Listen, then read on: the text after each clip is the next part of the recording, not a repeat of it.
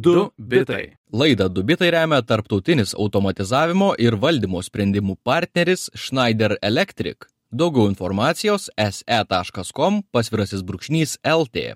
Sveiki klausytojai, čia laida Dubitai, kurioje kaip ir kiekvieną savaitę apžvelgiame svarbiausias technologijų naujienas. Prie mikrofonų Lukas Keraitis ir Jonas Lekevičius. Labas Jonai. Labas Lukai. Kaip gyveni, gerai gyveni, puiku, gerai, važiuojam į naujienas. Prašom, visada.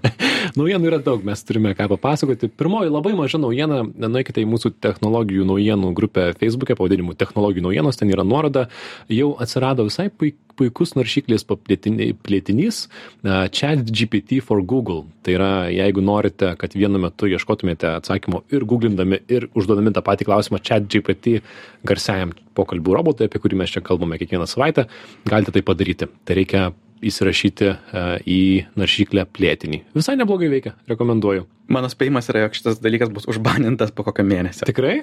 Pažiūrėsime. Microsoftas tikrai nesidžiaugia, bet jo. Mm, jeigu labai neišpopuliarės, gal ir leis ir, ir atleis. Tai tyliai, tik tarp mūsų. Tyliai, taip, taip, tik tai, jų, tik tai mūsų klausytojams.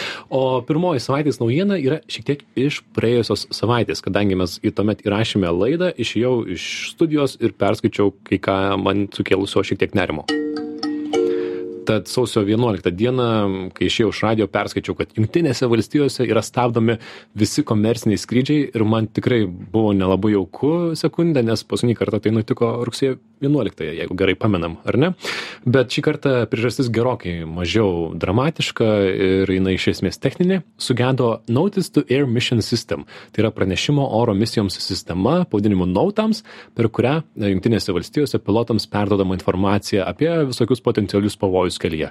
Tai, kad e, paleidžiamos NASA raketos, lėktuvų šau pasirodymai vyksta, galbūt stipriai sninga arba labai daug paukščių aplink pakilimo taką.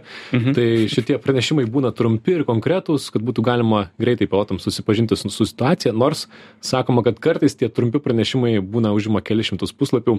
17 metais Air Canada lėktuvas San Franciske nusileido ne savo nusileidimo take, būtent dėl to, kad e, ir vos nesusidūrė su keturiais lėktuvais, dėl to, kad e, pilotams buvo skirta informacija informacija e, notams, notams sistemoje, kur 27 puslapyje tik buvo parašyta, kad nusileidimo takas yra remontuojamas. Tad pastaraisiais metais šita sistema buvo tvarkoma ir pradžiai buvo įtarta kibernetinė ataka, bet greitai susiprasta, kad tai yra kompiuterių sistemoje sugadintas duombazės failas. Atšaukti 7000 skrydžių, paveikta keli milijonai keleivių, nors tas visiems liepimas nutupti veikia vos, skaičiuojama apie valandą ar pusantros be abejo daugybė progų e, sistemų administratoriams pasijuokti padaryti juokelį nes tai yra po naujųjų metų tai Mhm. reiškias kažkas išėjo iš darbo ir neatnaujino arba, arba atnaujino sistemą praktikantas, arba galbūt viskas vis dar veikia ant Windows 98 sistemos. Labai gali būti. Labai gali būti, tai proga, oi, suprasti, kokios svarbios sistemos e, ant kokių kelių mygtukų paspaudimų važiuoja. Tai va, bet e, nieko baisaus labai nenutiko, žmonės pavėlavo į skrydžius, bet visi gyvis veikia. Mhm. Tai tiek. O kita naujiena yra apie Kalbant. Twitterį. Apie sistemas, kurios staiga netyčia nustojo veikti. Iš Twitterio krašto šiaip jau ramesnis laikas, mažiau naujienų. Gal Elon- Elonas susirado kitų hobių, visai gerai. Bet iš tokia tyli naujiena nutiko penktadienį vakarą. Penktadienį vakare nustojo veikti prisijungimai prie trečių šalių Twitter klientų. Tiems, kas tai nėra girdėtas konceptas, Mhm. tai Twitteris yra ganėtinai unikalus socialinis tinklas tuo, jog jie turi labai atvirą programuotėms prieinamą interfeisą, kaip jie gali kurti savo programėlės Twitteriui, bet kas gali susikurti savo Twitter appsą. Ir tokių yra pakankamai daug. Um, nes, pavyzdžiui, mums šiaip turbūt net nekyla klausimų, jog jeigu mes nau- naudojasi Facebook'u ar Instagram'u ar TikTok'u, mes atsidarom Facebook'ą arba Instagram'ą arba TikTok'ą. Su Twitter tu gali rinktis, gali atsidaryti Tweetbot, Twitterific, krūva visokiausių appsų. Uh, turbūt vienintelis kitas socialinis tinklas, kuris taip elgesi, yra Redditas, kur irgi yra labai daug trečių šalių klientų. Um, aišku, dauguma naudoja socialinį, e, oficialų appsą. Bet net tu, ar ne? Kiek žinau, naudoji visokius. Aš labai mėgau tuos e, trečių mhm. Mhm. šalių klientus. Na ir štai penktadienį buvo tokia keista naujiena, ne naujiena, kur tiesiog nustojo veikti a, prisijungimai prie šitų trečių šalių klientų. A, žmonės bandė suprasti, kas vyksta, kodėl, a, nes nebuvo jokio oficialaus pareiškimo iš a, Masko. Tad, e, bet tiesiog nebuvo įmanoma prisijungti. Vis, e, tik antradienį pasirodė oficiali komunikacija iš Twitter, kurie labai abstrakčiai pasakė, jog mes pradėjome taikyti apribojimus programėlėms nesilaikančioms mūsų taisyklių. Paklausti, kokių taisyklių, nieko negalėjo atsakyti. E, autoriai programėlių taip pat nebuvo informuoti, tiesiog nustojo veikti.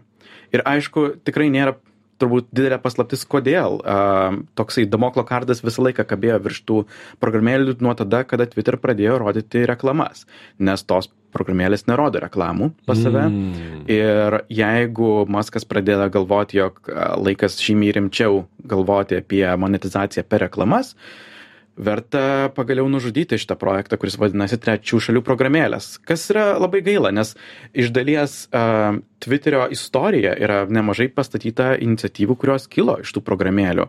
Ir tai, kaip Twitter jas nužudė, yra tiesiog, mano nuomonė, gėdinga ir nepagarbu. Mhm. Nes, pavyzdžiui, Twitter simbolis, kuris dabar visiems žinomas kaip mėlynas paukštelis, neatėjo iš pačio Twitter. Jis atėjo iš vieno iš šitų trečių šalių kliento, Twitterific, kuris sugalvojo, o simbolis bus ne maža ta raidė, o paukštelis. Taip pat žodis tweetas, kaip mes vadiname vieną įrašą Twitter'e, irgi atėjo iš to paties Twitterific.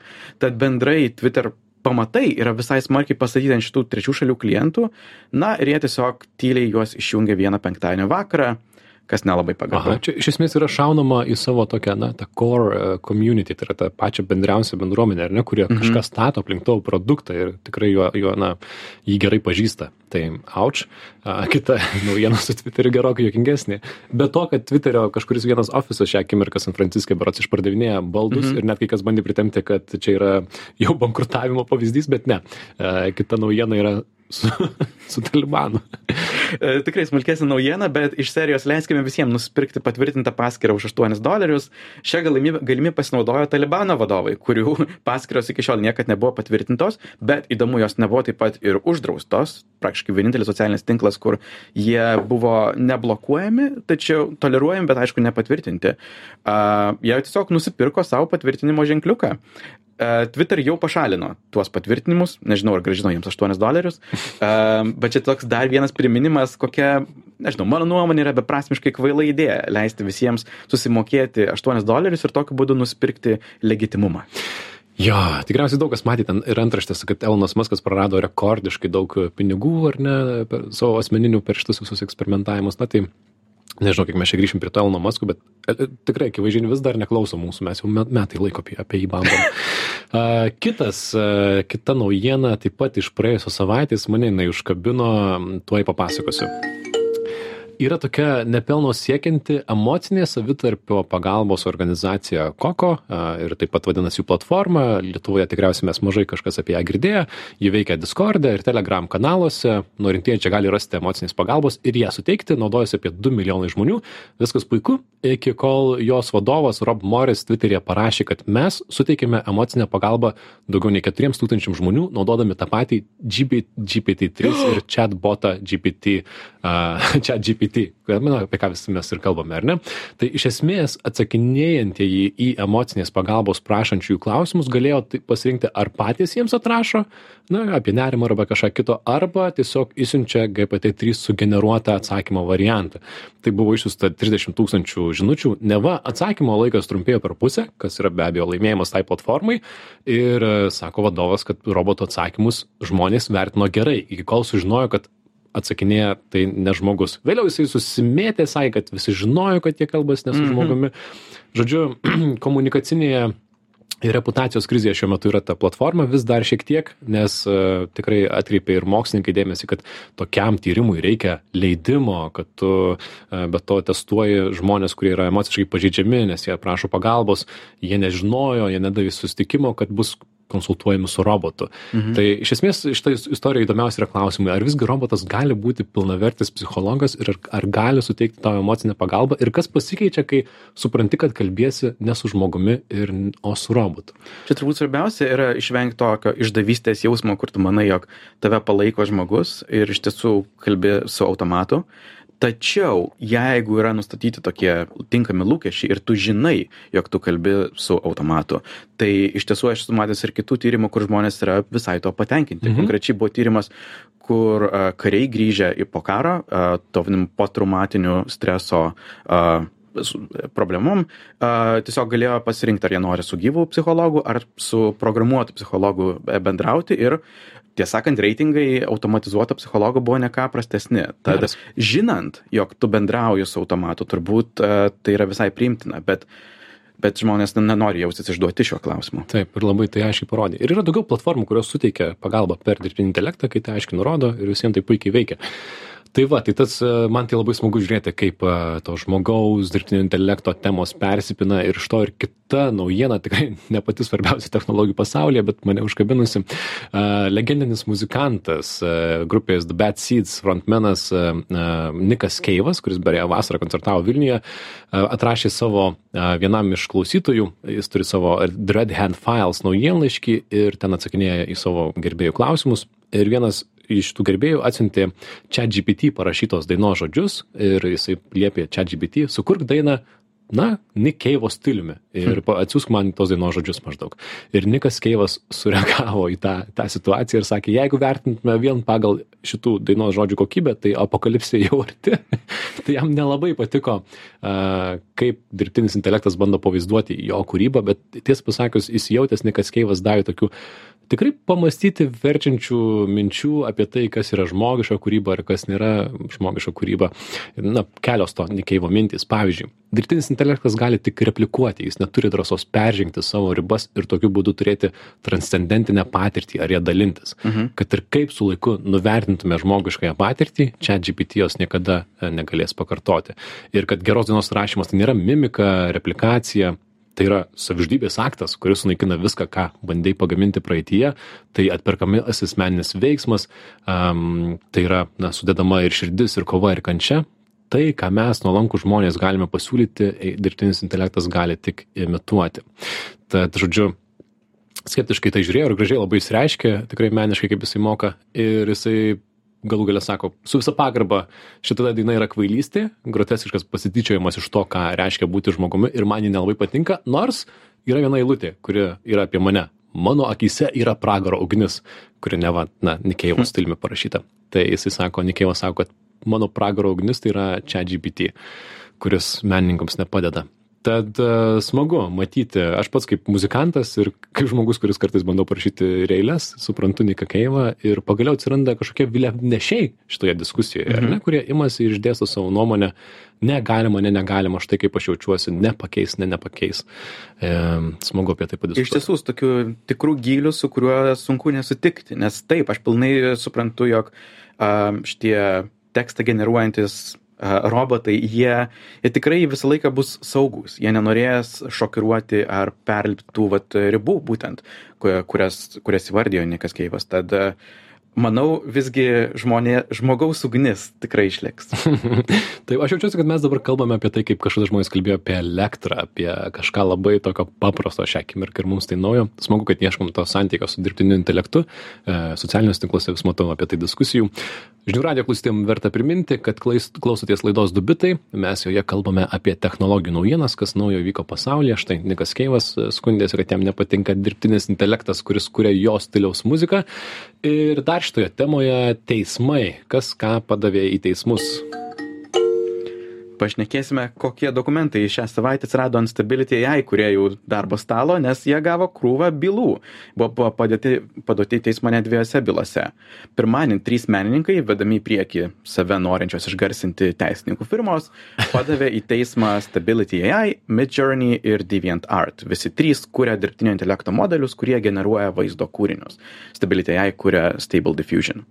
Um, Sarah Anderson, Kelly McCartney ir Ke Karla Ortiz yra trys menininkai, kurie kaltina šias organizacijas, jog jie pažeidžia autorinės teisės milijonų menininkų ir jog buvo treniruoti ant 5 milijardų pa- paveiksliukų, kurie buvo tiesiog neteisėtai pasimti iš interneto. Šią bylą į teismą vedanti teisininkų firma pagrindė specializuojasi taip vadinamuose class action lawsuits. Tai yra tokiuose bylose, kuriuose suburiamas didelis ratas nukentėjusių, tada akivaizdu bandys pritraukti dar daugiau menininkų ir kartu jiems visa, visiems pristeisti kažkokią žalos kompensaciją iš įmonės. Nes vėlgi Stability AI ir vis tie ir Midjourney, jie yra pelno siekiančios organizacijos, jos turi pelno, tad teoriškai galėtų dalį to ir grąžinti menininkams. Mhm. Bet į teismą paduodama už tai, ar ne, kad jų paveikslėliai sukurti buvo naudojami duomenų rinkiniuose, kurie Mhm. naudoti apmokant tuos e, įrankius, kurie buvo naudoti komerciškai, o už tai tie pradiniai autoriai negavo, ar ne? Nieko. Būtent visiškai nieko negavo. Ta pati teisininkų firma jau beje yra padavusi teismą Microsoft, GitHub ir OpenAI, kurie yra išleidę įrankį vadinamą Copilot, kurį programuotojai labai mėgsta, nes Copilot yra toksai generatorius kodui. Gali beveik paprašyti kokio kokio kodo norit Mm. mm. sugeneruoto ir jis tau sugeneruoja dažniausiai be klaidų um, ir jis buvo ištreniruotas ant viso GitHub turinio, kas aišku taip pat reiškia pažįsta krūvą teisų. Turbūt. Mes ne, neprofesionalai. Um, kita byla atsiradusi ant Stability AI stalo yra, uh, juos padavė didžiausia vaizdų autorinių teisų savininkai Getty Images. Mhm. Jie turi didžiausią licenzijuojamų nuotraukų, tai vadinamų stok, stokų nuotraukų, stock photos katalogą. Ir todėl, aišku, labai rimtai žiūri į savo teisės. Mhm. Get images yra tarsi sinonimas su tokiu nuotraukom, ar ne? Mhm. Jie tikrai dideli. Taip. Um, standartiškai jų nuotraukos būna paženklintos vandenženkliu, tam tu negalėtum tiesiog right click save. Ir e, jeigu prašai Stable Diffusion sugeneruoti nuotrauką iš Getty katalogo, Stable Diffusion atkuria tą vandenženklį, kas yra turbūt e, konkrečiausias toks rūkstantis ginklas, kokį tai galėtum turėti. Jau konkretus įrodymas, jog tiesiog ėmėjai nuotraukas su vandenženkliais. Ir uh, Getty sako, jog uh, byla nėra apie žalos kompensaciją ar technologijos stabdymą, lygina tą situaciją su Napster, kas uh, ankstyvais 2000-aisiais buvo būdas nelegaliai gauti uh, muzikos, ir Spotify, kurie nuėjo ir šnekėjosi su autorinių teisų savininkais ir išsprendė kompensavimo klausimą. Uh, tad įdomu, vėlgi, kaip šitos dvi bylos pakeis trajektoriją technologijos, kas, kas vyks. Man įdomus faktas yra apie tai, kodėl, aišku, visi kaltina Stab- Stability AI, nes jie išsiskiria tuo, jog jie yra atviri apie duomenis, kuriuos naudoja, nors ir stengiasi labai save atskirti legaliom tokiam sienom. Tai yra, pavyzdžiui, jie remia Jie yra pelno siekianti organizacija, tačiau remia ne pelno siekiančią organizaciją Lion, kurios duomenis naudoja treniruoti savo modelį. Lion neteikia paveiksliukų. Jie teikia tik nuorodas į paveiksliukus ir tų paveiksliukų aprašymus. Klausimas, kas tos paveiksliukus organizuoja, čia yra e, nutylėta sakinio dalis, o treniruoja modelį universiteto departamentas. Žodžiu, viskas yra taip atskirta, jog nebūtų vienos institucijos, kurią taip galėtum pasakyti, ha, tu Taip. kažką darai neteisingai. Tokia duomenų pilkoji rinka. Jo, ir labai įdomu, kaip tai išsiritulios. Man atrodo, kad daug kas laukia to, to, to nustatymo. Aš dabar galvoju, kaip čia su kuo palyginti. Va, Napsterį paminėjai, ir ne 2000-uosius situacija buvo panaši, bet ir sudėtingesnė, nes buvo nelegalus muzikos siuntimasis, bet šiuo atveju, jeigu būtų tai 2000, reikėtų įsivaizduoti, kad atsirado įrankiai, kurie ima dainų gabaliukus 2-3 sekundės ir jas parodo kažkam kitam ir tas kažkoks Mhm. įrankis sukuria kitus kūrinius. Ir ką dabar paduoti į teismą, kas už ką atsakingas, kieno tie samplai ir, ir panašiai. Tai aš atsimenu, Jonas, kiek esi skeptiškas, kad visgi tai išsiritulios į kažkokį civilizuotą, na ir sutvarkytą teisyną, kaip, kaip kas ką gauna pinigų iš to.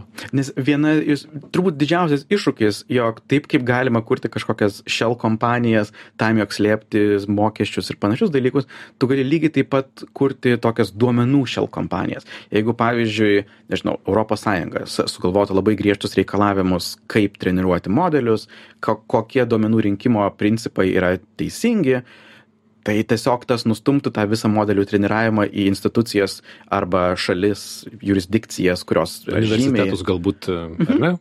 Arba net, galbūt net dar radikaliau, būtent į, tas pačias e, ten kokias nors uh, salų šalis, kurios galbūt e, taip kaip e, yra atviros shell kompanijoms, galbūt sakys, jog prašom treniruoti ir siūstis failus iš interneto mūsų šalise, mes dėl to nepyksime ir tada tuos modelius jau gali eksportuoti arba gal net tiesiog um, leisti vykdyti tuos modelius tose šalise.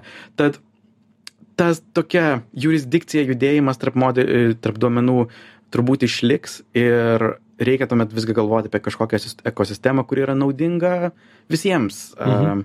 kad iš to galėtų uždirbti, ne tie, kas da, davė duomenis tiems tinklam, tiems apmokymams, bet man to pačiu smagu stebėti, kad yra teismai, nes atrodė, kad turinį, na, visi pamatėme dirbtinį intelektą, kuris gauna duomenis iš neaišku, kur ir niekas už tai negauna pinigų, ir visi pabambėjo, ir Mhm. dabar tada buvo šiek tiek tokia tyla ir atsiranda tie teismai, kur galbūt metų pabaigoje bus kokios nors nutarimas, kuris Mhm. galbūt paskatins naują įstatymą ir galbūt po trijų metų gyvensim civilizuotai, kur už tavo paveikslėlį gaus ten 0,000000001 cento, Taip. nes jau buvo apmokyta, ar ne? Ir kitas, kita iškylanti dimensija, kur visos bylos keliauja link Stability AI, nes jie yra atviri apie tai, ką daro. Ai. OpenAI, kurios turbūt populiariausias vaizdų generavimo modelis, DALI, vėlgi žinomas plačiai visiems, jie visiškai nieko nekomentuoja apie tai, kaip gavo modelius, kokius dalykus naudoja, labai sėkmingai slepia tą informaciją. Ar tai yra geriau? Nes uh, jie negauna jokių bylų, uh, vadinasi, turbūt sukūrė pakankamai gerą tokią sieną aplink save, bet uh, Sunkiau, lab- sunkiau prisikabinti, ar ne? sunkiau prisikabinti, kai jis Vat, kai nori gero, kai nori gero gauni teismą. Uh, gerai ir pabaigai tikriausiai dar naujiena apie Apple ir čia Jono tema, MacBookai ir kiti gaus dar, uh, dar, dar, dar naujus kompiuterius. Antradienį video praneš- pranešimu Apple pristatė naujus MacBook Pro ir Mac mini kompiuterius. Aš pastebėčiau, man naujiena yra ne tik naujiena, bet ir formatas, kurio pristatė. Iki šiol dar nesu matęs tokio formato, jog tai buvo tiesiog paskelbtas video įrašas be jokio renginio, be jokių pakviestų žurna- žurnalistų. 18 minučių video apie tai, kurie pristatė savo naujus produktus. Gal tai bus e, tokia naujienų skelbimo ateitis, kažkas daugiau nei pranešimas spaudai, bet mažiau nei renginys. Gal sausio vidurys ir visi dar labai tingus kažką daryti. Taip. E, dizainai nekiek nepasikeitė, visų dėmesys yra į naujus procesorius M2 Pro ir M2 Max, kurie yra tie ilgai laukti M1 Pro ir M1 Max pasiekėjai. Aišku, toliau giriasi didžiuliam baterijom, šiek tiek atnaujintų Wi-Fi. Man uh, įkrito į akį tai, jog jie jau leidžia 96 GB RAM, visai, visai neblogai, ypač turint omeny jų architektūrą. Oho, tikrai daug. Uh, Wow. Įspūdinga tikrai. Laptopė turėti beveik 100 GB RAM. Gerai. Um, ir šiek tiek greitesni, uh, gre- greitesnės grafikos plokštės. Uh, bendrai toksai ok dydžio žingsniukas į priekį, aš manau, tokio didžiulio šuolio, kai buvo pereimas į naują architektūrą su M1, turbūt niekada nepamatysime. Na ir bendrai visi šitie kompiuteriai lieka itin brangus nuo 2500 eurų. Mhm. Na ir kita naujiena iš Apple lauko yra, jog vis dar tokie nėra aiškus, nu, visiškai nurimę gandai apie tai, tai kaip bus su tuo jų pagrindiniu metų projektu virtualios realybės akiniais. Ir Papildytos realybės. Papildomos realybės, miksuotos realybės, kas ten žino, kaip ten bus. Žinom tik tai, jog jų ambicingesnis projektas, kuris buvo tiesiog akiniai su tiesiai stikle įmontuotu e, ekranu, Mhm. a, yra neribotai atidėti į ateitį, nes turbūt nesugeba to įgyvendinti, tačiau vis dar tikėtina mes pamatysime tą vadinamą miksuotos realybės šalmą šiais metais. Miksuota realybė yra, kur kameros tiesiog transliuoja tavo vaizdą į praktiškai virtualios realybės ekraną, tai yra tu matai ne savo akimis, o kameros akimis. Na ir kaina vis dar progno- prognozuojama epliškai didelė. Mhm. Tai kurio tu iš šitų labiau lauki? Ar to maišytos realybės, tų tokių, na, kaip panašių virtualios realybės, ar visgi lauki tų, kur nukėlė, kurių aš, man atrodo, labiau laukiu, tų papildytosios realybės, kur užsidedi kaip akinius ir matai, nu, kaip HoloLens Microsoft'o. Jo, aš aišku laukiu abiejų. Uh, turbūt šiuo metu žymiai labiau laukiu to, kas išeis pirmas. Tai tas uh, miksuotas realybės su transliavimu vien todėl, jog yra labai įdomu, kaip Apple įsivaizduoja meta visatą, kaip Apple įsivaizduoja 3D vartotojo sąsajas. Ir ar mes naudosim rankas, ar naudosime kažkokius pultus, ar bendrausime balsu. Labai įdomu, kaip tiesiog jie įsivaizduoja tą vartotojo sąsajos dalį. Kaip tu įsivaizduoji, kaip Apple įsivaizduoja? Aš labai norėčiau uh, pamatyti virtualaus kompiuterio idėją. Tai yra, jog aš galėčiau tiesiog išsitraukti iš oro nešiojimo kompiuterį, pasidėti jį virtualiai prieš save ir, nežinau, rašyti ore. Ar mes čia sėdėtume studijoje, ar ne, tokius dėję akinius, neturime laptopų čia ant stalo ir tiesiog kažką barškinam, nežinau, kaip tai atrodytų. Tai čia būtų mano svajonė. Geras, tai čia šiais metais dar galim tikėtis Aš išvystyti. taip statau. Gerai, šitie kainuos gana brangiai, ar ne? Sunku nuspėti, bet aš manau, žinant, Apple turbūt viskas kainuos tūkstančiais. Gerai, tai yra ko laukti šį, šį, pa- šį pavasarį ir šį rudenį, pažiūrėsim dar. Tiek naujienų bus šiandieną, žinių radio klausytojai girdėjote laidą Dubitai, čia aptarėme svarbiausias technologijų naujienas, mūsų šaltiniai yra dubitai.com svetainėje, tinklalaidė mūsų klausykite Spotify ir visur kitur, dėkite ten penkias žvaigždutės, jeigu jums patiko, žinių radijas.lt visi laidos įrašai, čia buvome mes, Lukas Keraitis ir Jonas Lekevičius ir grįšim po savaitės. Iki. Iki. Du bitai. Laidą Dubitai remia tarptautinis automatizavimo ir valdymo sprendimų partneris Schneider Electric. Daugiau informacijos se.com pasvirasis brūkšnys LT.